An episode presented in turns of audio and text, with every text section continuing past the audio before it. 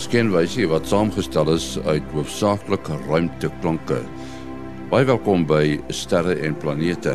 Ons gesels vanaand met ons span, dit is eh, professor Mati Hofman van die Boden Sterrewag, die digitale planetarium en die Universiteit van die Vrystaat. En natuurlik Willie Koorts van die SAAO. Ons het net nou ruimte weer nuus, maar eers ruimte nuus wat uh, elke week geskryf word deur Herman Turin in Bloemfontein. Wetenskaplikes het 'n oproep gedoen dat ongeïdentifiseerde fenomena in die lug ernstig wetenskaplik ondersoek moet word. Dit sluit ondersoeke in na moontlike VVV's. Die FSA se vloot het onlangs erken dat sommige van hierdie verskynsels wat waargeneem is, behoorlike kopkrappers is. Hieronder tel voorwerpe wat veel vinniger versnel as wat 'n mens se liggaam kan verduur. In Augustus het die vloot 'n taakspan saamgestel om hierdie vreemde verskynsels te ondersoek en te probeer vasstel of hulle potensieel 'n bedreiging vir die veiligheid van die VSA inhou.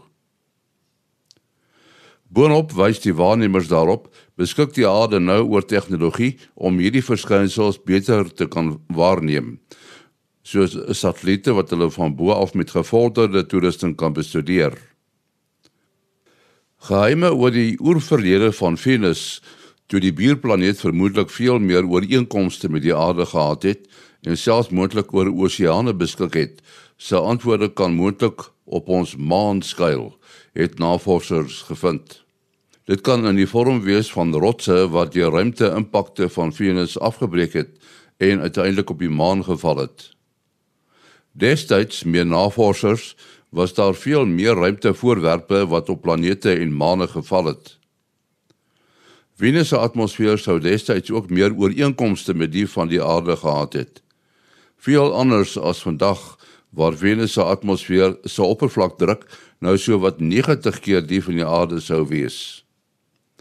Dit sou in vallende rotse maklik relatief ongeskonde op Venus kon laat val. Maar dit kan ook moontlik maak om in die vorm van brokstukke terug die ruimte ingestuur te word. Destyds sou 7 van elke 10000 stukke wat van Venus weggeskiet is, uiteindelik op die maan beland het. Omdat Venus nader aan die son as die aarde is, sou hulle die buurplaneet teen 'n veel hoër spoed bereik as die aarde. Toestande op die maan is veel gunstiger as op die aarde om die inligting oor Venus destyds te bewaar en veel meer sal steeds uit hierdie rotse se geskiedenis die afgelope miljard jaar wys geraak kan word. Tot sover ruimte nuus en dit word geskryf deur Herman Turin in Bloemfontein. En nou gesels ons met Kobus Holkers in Amerika. Uh ons het hierdie week 'n interessante verskynsel gesien van baie rare uh auroras in in Finland. Uh, ek sal net nou 'n bietjie daarvan vertel. Kom ons gaan kyk nou eers nou na hoe lyk die son op die oomblik. Uh sy kroon twee kroon korona gate die noord by die noord en die suidpool is relatief klein hierdie week. Die enigste een wat effe geo-effektief uh is is enetjie wat so so bietjie uh redelik naby aan die noordpool van die son is, maar hy so 'n paar grade onder wat hom net net mooi laag genoeg maak om 'n baie effense effek op die op die aarde se ruimte weer te hê. Uh ons sal ons sal van hom seker so 'n bietjie later in die week hoor hier so teen Dinsdag se koers. Uh dan het ons by die ewenaar van die son reg na die aarde se kant toe kyk, 'n ding wat meer lyk soos 'n sif as na 'n koronagat.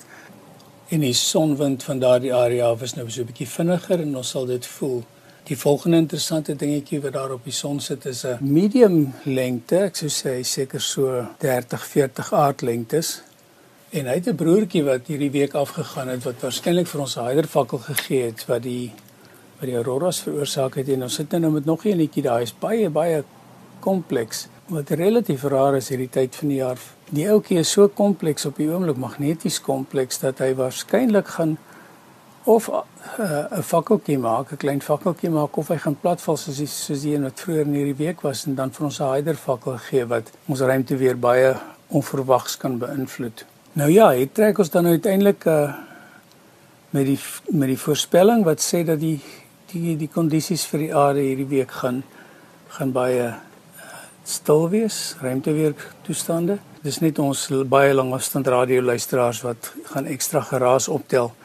Uh hulle frekwensies behoort ook nie eers te veel te verander nie. So nou kom ons uiteindelik by die verskynsel in Finland waar ons die afgelope week op die 12de en die 13de het mense die mooiste uh, groen en rooi auroras gesien en die twee was so bo op mekaar gestapel.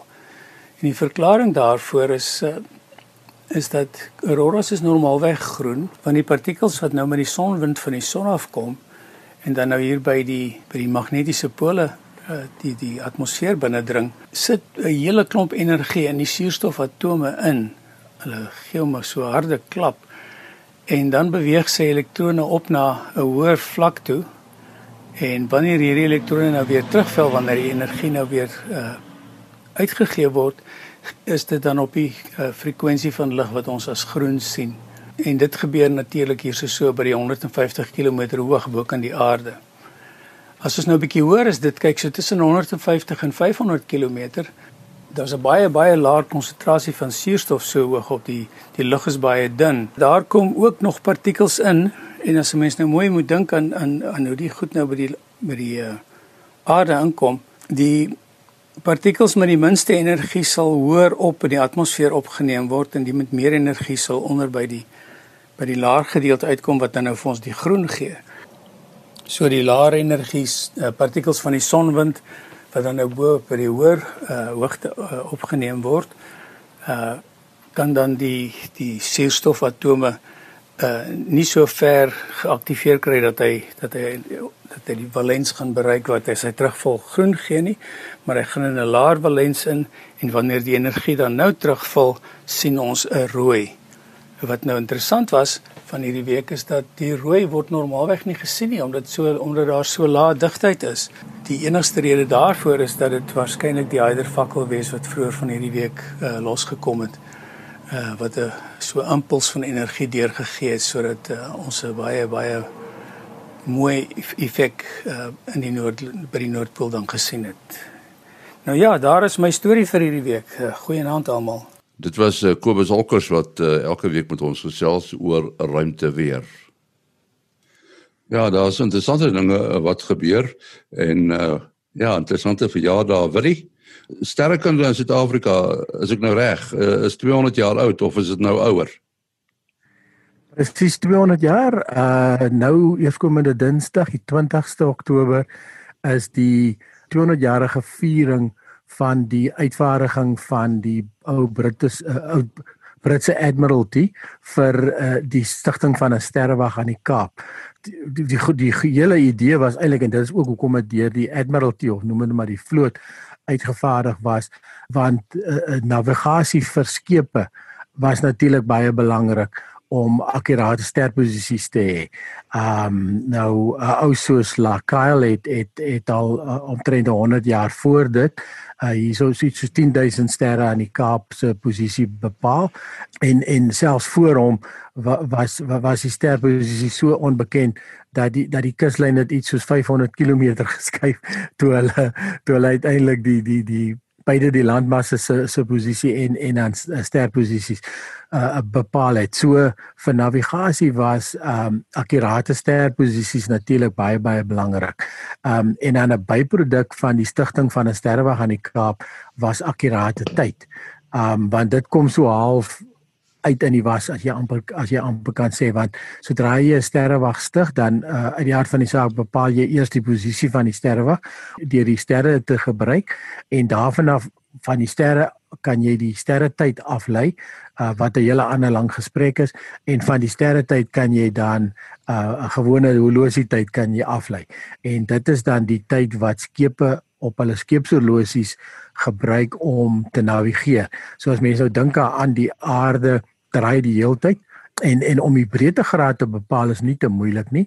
Jy kyk net hoe hoog het 'n het 'n sekere ster bo kan die horison opbeweeg uh en die son en die maan kan jy natuurlik ook gebruik. Natuurlik nog vreeslike ingewikkelde tabelle en goeders gehad, maar navigasie was nog nooit regtig maklik. Eilik vandag is dit maklik met 'n GPS, maar jou GPS ophou werk is jy in groot moeilikheid as jy nie die ou metodes ken nie. So hoe verder 'n skipie dan afseil suid, hoe hoër begin die suidelike sterre op te lig bo kan die horison. So mense in Pretoria teenoor Kaapstad kan jy al klaar weet dit 6 7 grade verskil en uh, die Suiderkruis byvoorbeeld in die Kaap gaan nooit heeltemal onder nie waar in die, in die van die noorde van die land af begin die suiderkruis agter die horison te verdwyn. So die lengtegraad is dan die moeiliker een en dis waarvoor jy akkurate tyd nodig het want die aarde is die hele tyd besig om te draai. En ehm um, so dan moet jy dan moet jy weet hoe ver het die aarde gedraai om jou lengtegraad te bepaal. So die sterrewag is toe hier gestig, Reverend Fullen Fellows. Ehm um, uh, interessant genoeg die eerste twee sterrekundiges aan die Kaap was al twee dominees reverend. Dit was maar al algemeen daai tyd want dit was mense gehad was wat toegang gehad het tot uh tot tot opleiding tot onderwys tot universiteitsonderrig natuurlik dan nou en dan het hulle in allerlei ander rigtings begin belangstel en selfs gespesialiseer. Het toe hier aange, aangekom in 1820 en toe nou moes hulle nou eers 'n posisie gaan soek waar kan hierdie sterrewag gebou word? Want een van die vereistes en dit is nou juis gesê die akkurate tyd.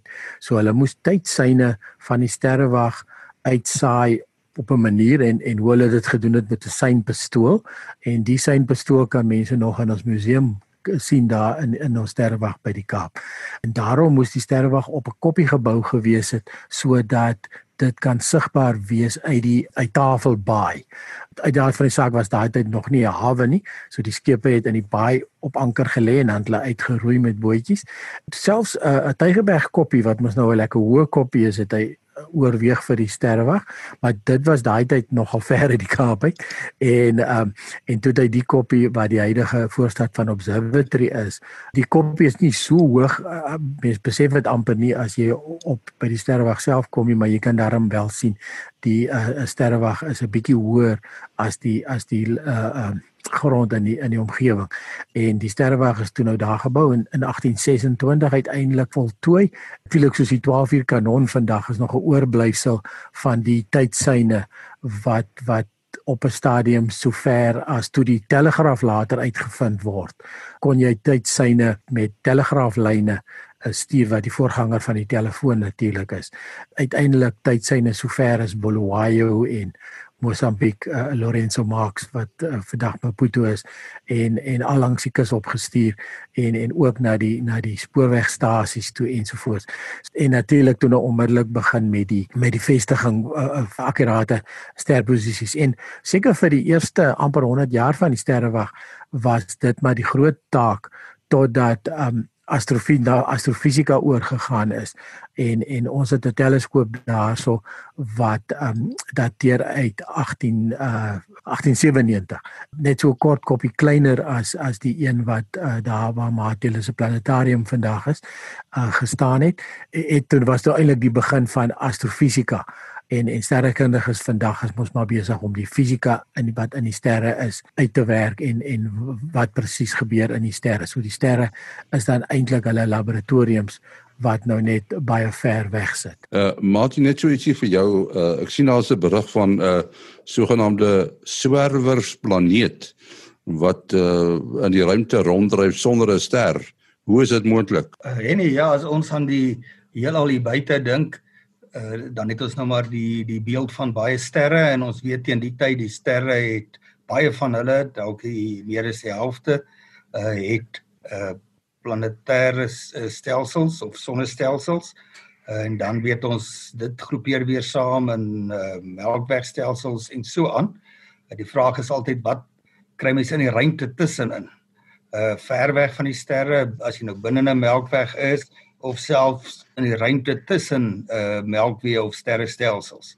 Wel, hulle het al in die verlede en nou ook weer pas uh het hulle 'n uh, um swerwer planeet waargeneem met behulp van die uh sover ek kon aflei uh uit die stukkie van die artikel waartoe ek toegang gehad het uh die die mikrolens tegniek uh die, die ander tegnieke uh, wat ons nou uh, wat die meeste gebruik word uh, werk op die effek wat 'n planeet op sy ster het of by wyse van die verander, periodiese verandering van die golflengte, 'n effense verandering wat gemeet kan word, um, of 'n uh, effense verduistering uh van die van die ster se lig.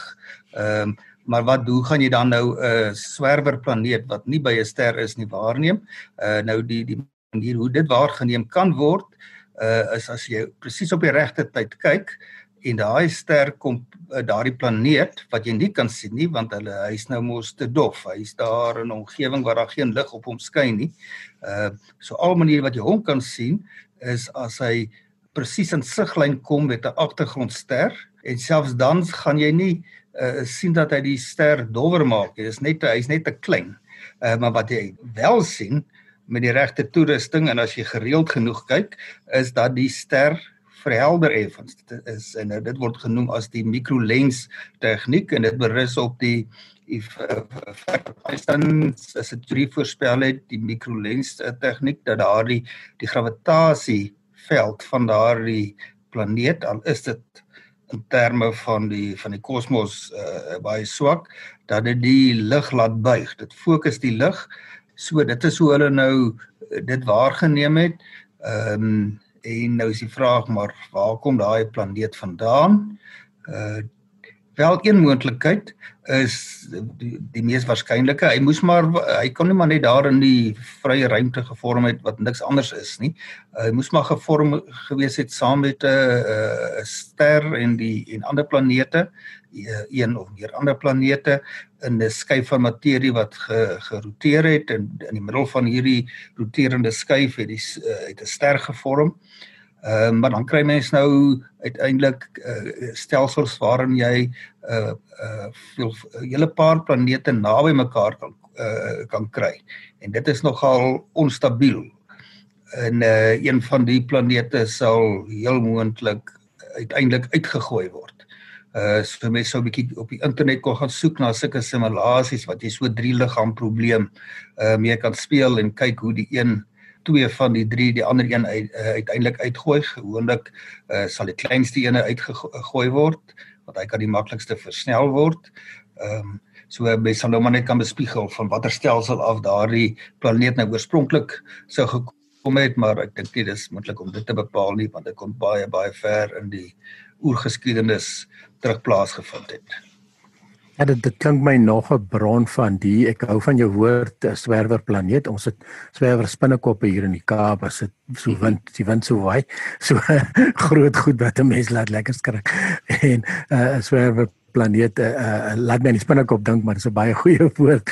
Uh is natuurlik in in uh veelvuldige sterstelsels nê nee, so as daar as daar twee of meer sterre uh gevorm het uit die uit uit so 'n stelsel uh, dan is daar ook baie onstabiele bane wat uh, natuurlik redelike groot planete kan uitgooi uit hierdie stelsel uit. En dan soos jy sê is die ding net in die vrye ruimte besig om om te om te swerf um totdat dit dalk ergens in 'n ander sonnestelsel opgevang word of anders dan net net deur beweeg en en en en die wêreld vol uh, rondswerf. En soos jy sê, dit is moeilik om hom waar te neem want hy het nie uh, ek sê nou hy maar die planeet het nie ehm um, geen eie geen sy eie lig af nie. So dit is slegs deur deur 'n massa bepaling wat jy wat jy hom seker kan optel. Ja, die hy wil ja as dit nou 'n planeet is wat soos Venus is, dan sal mense dit seker sy noem en as 'n planeet soos Mars is, dan sal mense dit hom noem. ja, Mati, uh mense het nou die afgelope dae baie opgekyk van weer die pragtige rooi ster dink mense, maar is eintlik 'n planeet met die naam van Mars. En Rina Kloete het vir ons geskryf van sy wil net net weet of uh, dit wat sy daar in die uh, in die noorde vir haar sien. Uh sy sê sy sien 'n rooi ster. Norina dis nie 'n ster nie. Dis 'n planeet. Uh, dit het nogal mense opgewonde gemaak, nee, Mati. Ja, dit is nou een van daardie voorwerpe. Al kyk die mense nie doelbewus uh na die sterre hemel nie, dan trek dit hulle aandag en hulle sê, "Haai, kyk daar." En uh uh van hulle sal dan raai, dit moet seker Venus wees want hy's so helder. Uh nou in die geval was dit nou nie Venus nie. Venus gaan mens nie daai tyd van die aand kan sien nie. Hy kan nie so ver in rigting vanaf die son wees nie omdat hy in 'n binnebaan is. En as mens nou mooi oplet, uh mense glo jy gewoonlik nie as jy nou sê maar kyk hy's rooierig. Uh maar met rooierig bedoel mense nou vergelyk dit nou met 'n ander ster. En as jy na die kontras kyk, dan dan word die kos nooit net maar 'n oranje rooierige skynsel word dan duidelik en dit kom natuurlik van die uh materiaal op Mars se oppervlak wat duidelik so 'n rooierige tipe sand is. En nou sy uh, Rina sê sy het dit in die noorde gesien. Nou daai het lei ek nogal af dat sy tamelik laat moes kyk. As jy nou vroeg aand kyk dan kom hy so noord oos op. So hy kom tamelik ver van noord van oos op uh en dit is nou maar omdat hy in sy baan op die oomblik want uh, die uh, hy beweeg ook nou mos in die in, in die hemelruim langs die ekliptiese lyn. Uh en die ekliptiese lyn een helfte daarvan is suid van die hemel ewenaar en die ander helfte daarvan is noord van die hemel ewenaar so hy's nou in daai deel van sy baan wat hom taamlik ver noord van die hemel ewenaar uh plaas. Uh, en uh ja en hy gaan nou in die volgende tyd uh, taamlik vinnig dowwer word Hy was uh wil jy nou jou help ek dink op die 6de Oktober op sy naaste gewees. Hy het op daai stadium verander die afstand nou nie so baie van dag tot dag nie. Ehm um, en die afstand was hier in die omgewing van 62 miljoen kilometer. Uh, dit is die naaste wat hy vir die volgende 15 jaar aan ons was. Vorige uh, naaste, ek dink so 2 jaar terug en dan in 2003 Nou moet ek mooi dink in Augustus 27 Augustus 2003 het hy om presies 9 minute voor 12 die oggend uh, het hy op sy naaste vir 'n tydperk van 60000 jaar aan ons gekom. Uh, ek onthou dit um, omdat ons toe nou uh, 'n uh, swispit gehad het van die uh, nuwe publieke auditorium daar by Boyden Sterrewag en die fondse daarvoor is destyds deur Mark Shuttleworth se stigting ook die Anglo Gold Asante Fund uh beskikbaar gestel. So dit is nou 'n goeie herinnering vir my. En uh uh ja, toe was dit 56 miljoen kilometer teenoor die ongeveer 62 miljoen kilometer. Nou, uh wil jy net my my getalle bietjie verfyn as ek dit nou nie na akkuraat genoeg onthou nie. Nee wat nee jou jou uh jou geheue is baie beter as myne ek gaan lieg glad niks waag hierso nie. Dis natuurlik nou waar daai ou epos ontstaan het wat nou al ja. vir uh hoeveel jare die ronde doen nog al nie vir jaar al gesien nie ja, en vir jaar kan mense hom weer 'n slag geglo het. ja en en dan en dan as ek dit reg het was dit laas Woensdag die 14de was uh die uh 'n planeet ook in soortgenaamde oppositie. Uh, Lafras het mos vir ons mooi vertel laas week van van al die goeie wat uh, dit beteken dat hy is reg oor die son. So dit wil sê is is is is 'n uh, uh, Mars die heel die heel aandeel nag sigbaar. Kom op wanneer die son ondergaan. Ja, en um op hierdie stadium as jy opkyk na die naghemel, is die vroeg aand is die helderste voorwerp Mars. So uh, Mars het uh, nou vir Jupiter wat gewoonlik die tweede helderste is na Venus uh in helderheid verbygesteek en maar soos jy gesê het Venus is nou in die oggende op as die oggendster. So uh, as jy opkyk in die aand en jy sien die helderste ster in die lug uh en hy is so effens rooi oranje rag dan is dit Mars. Ja, mens moet nou net onthou vroeg aand lê hy nog laag terwyl Jupiter al hoog lê ja. Yes, ja presies. Dan gaan hy bietjie dowwer wees as gevolg van meer atmosfeer. Ja, doodreg. Ja, wel ons het in die program al baie gepraat oor die Starlink satelliete. Nou sien ek uh, en ons het gesê dit skep probleme vir uh, sterrekundiges.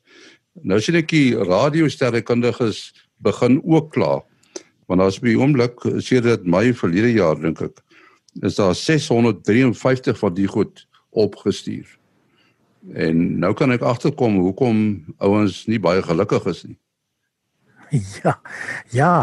Ja, eh, as ek miskien gou weer by die opties moet begin en en en Mati uh, ken hom baie goed, uh professor Patrick Zeitzer van State of Michigan, ja, by by, by universiteit daarso wat al jare saam met hulle werk, baie baie groot werk gedoen uh by Boyden uh en en by die Lemontasie of waar die ster waar die planetarium vandag is, want die oorspronklike lens van die teleskoop waar die uh, planetarium vandag is lê in sy kantoor en dis nog al 'n groter gelens is 27 en 'n half duim as ek reg as ek reg onthou. En ehm um, en en uh, professor uh, uh Saister is baie betrokke met met hierdie sogenaamde space debris en en ook ehm um, uh die die satelliete self en die invloed op sterrekundige waarnemings. En ek het so rukkie terug met hom 'n uh, paar eposse gewissel uh want ek het 'n vraag gehad oor die uh, presies die metodes en goed wat uh, uh SpaceX nou aan die hand gewerk het om die satelliete te sorg dat hulle nie so helder is nie.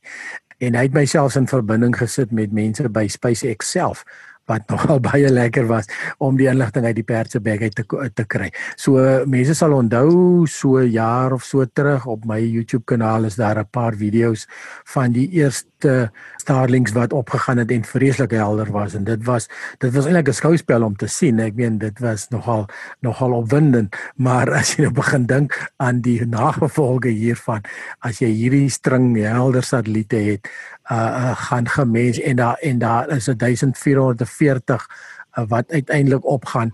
Uh, soos jy sê hulle is nou hier rondom die 700 al uh wat nou al op is en en dan dan gaan jy mos nooit eers ooit kan kan sterrekunde gedoen kry nie want dan gaan net satelliete die wêreld vol wees. Om terug te kom by die SKA se probleem, die SKA het bietjie gekyk na die frekwensiebande waarin die satelliete uitgaan uitsaai.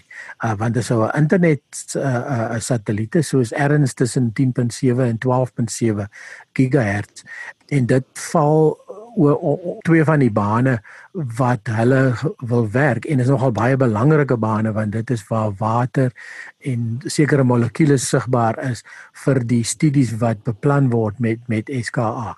Maar hulle is in gesprek met SpaceX en SpaceX kyk na na verskillende oplossings. So die een probleem is dat die sogenaamde sidebands, mense wat nou in radio uh, betrokke is radioamateurs gaan weet presies waarvan ons praat.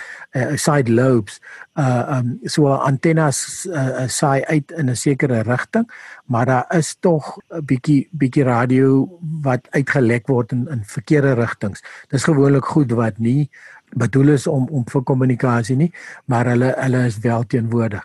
Deur deur die antenne dat die antenne ontwerp te kyk kan hulle die dit kan hulle dit dalk verminder. Die ander uh, ding waar hulle wat wat SKA vra is kan julle nie wanneer julle die satelliete oorvlieg oor waar die wêreld se groot radiosterrewagte is uh die um, die die die die senders afskakel op die satelliete self of die krag verminder want dit is gewoonlik um zones wat wat in elk geval onbewoon is en dit is dit is baie baie nie groot bevolking want dit is mos nou internet wat die satelliete uh versamel. Ja, so dis eintlik 'n dilemma. Jy jy bou spesiale sterrewag op uh, op 'n radiosterrewag nou 'n plek wat radio stil is waar daar nie 'n uh, steurings is nie selfs selfone en en mikrogolfoonde is, is 'n groot probleem vir die SKA Wi-Fi net so. So as jy die gebied kan beheer, maar nou jy het geen beheer oor die goed wat oorvlieg nie. SpaceX was redelik akkommoderend met die met die optiese uh, uh steurnis wat die satelliete veroorsaak. So uh, uh, hulle is nou in gesprek met SpaceX uh, uh oor die oor die oor die radio radiogeraas wat die satelliete mag veroorsaak vir vir die SKA. Ons uh, moet afsluit uh, wil jy besonderhede? Ja, mense kan bel WhatsApp SMS 072 4579208. 072 4579208. Mate Janne 0836257154. 0836257154. En dan die program se e-posadres stuur maar gerus u vrae sterreplanete@gmail.com. sterreplanete@gmail.com. Tot volgende week. Alles van die beste.